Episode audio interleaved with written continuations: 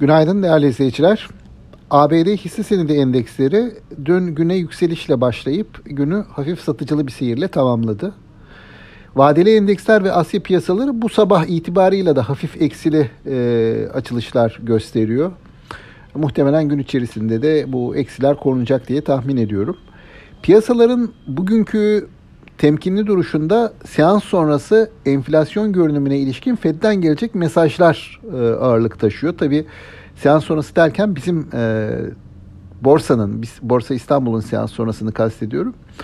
E, aynı şekilde yurt içinde bu takip edilecek, bu gelişme takip edilecek. Fed'den yapılacak enflasyon beklentisi açıklaması ve para politikası açıklaması takip edilecek. Bunun haricinde bir de yarın e, yine Merkez Bankası'nın para politikası kurul toplantısı var. Burada alınacak faiz kararı beklenecek. Ve ayrıca e, dün belirtildi haftaya açıklanacak bir reform program takvimi var. Yine piyasa gelecek haftada e, buna odaklanacak. Yani önümüzde bir hayli yoğun bir gündem var bugünden başlayarak. Dün BIST'e baktığımızda ise kapanış rekoru kırılarak e, bir e, kapanış gerçekleştirildiğini gördük. Yaklaşık yüzde bir artış vardı. Ancak bir süredir dikkat çeken hacim gerilemesi dün de devam etti. Dolayısıyla bu ivmedeki zayıflama endeksi kuvvetli bir şekilde yukarılara götürür mü? Orası biraz e, belirsizliğini koruyor bence. E, bugüne dönecek olursak e, yine bugün belirleyici olacak konu bu ABD'den gelecek haberler dedik. Piyasa buna göre e, güne temkinli başlayacak dedik. Bir hatırlatmada bulunayım. Dün e, yükselişte yani borsanın %1'lik artışında özellikle yatırım haberleri nedeniyle otomotiv şirketleri, otomotiv şirket hisseleri ön plana çıktı.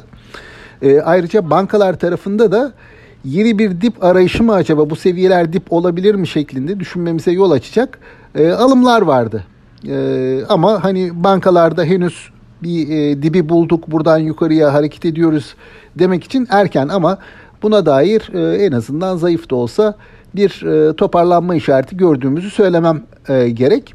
E, bakalım bu devam edecek mi? Önümüzdeki günler bunu gösterecek. Tabii aynı şekilde merkez bankalarının alacağı kararlar da e, buraya yön verecek. E, dediğim gibi piyasa bugün güne yatay bir seyirde başlar. Yurt dışından gelecek haberleri bekler. Sonrasında Merkez Bankası'nın e, faiz kararını bekler yarın için.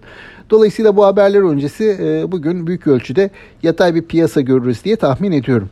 Benim aktaracaklarım seans öncesi bunlar. Seans sonrası yeniden görüşmek dileğiyle sağlıklı, bol bereketli, kazançlı günler diliyorum.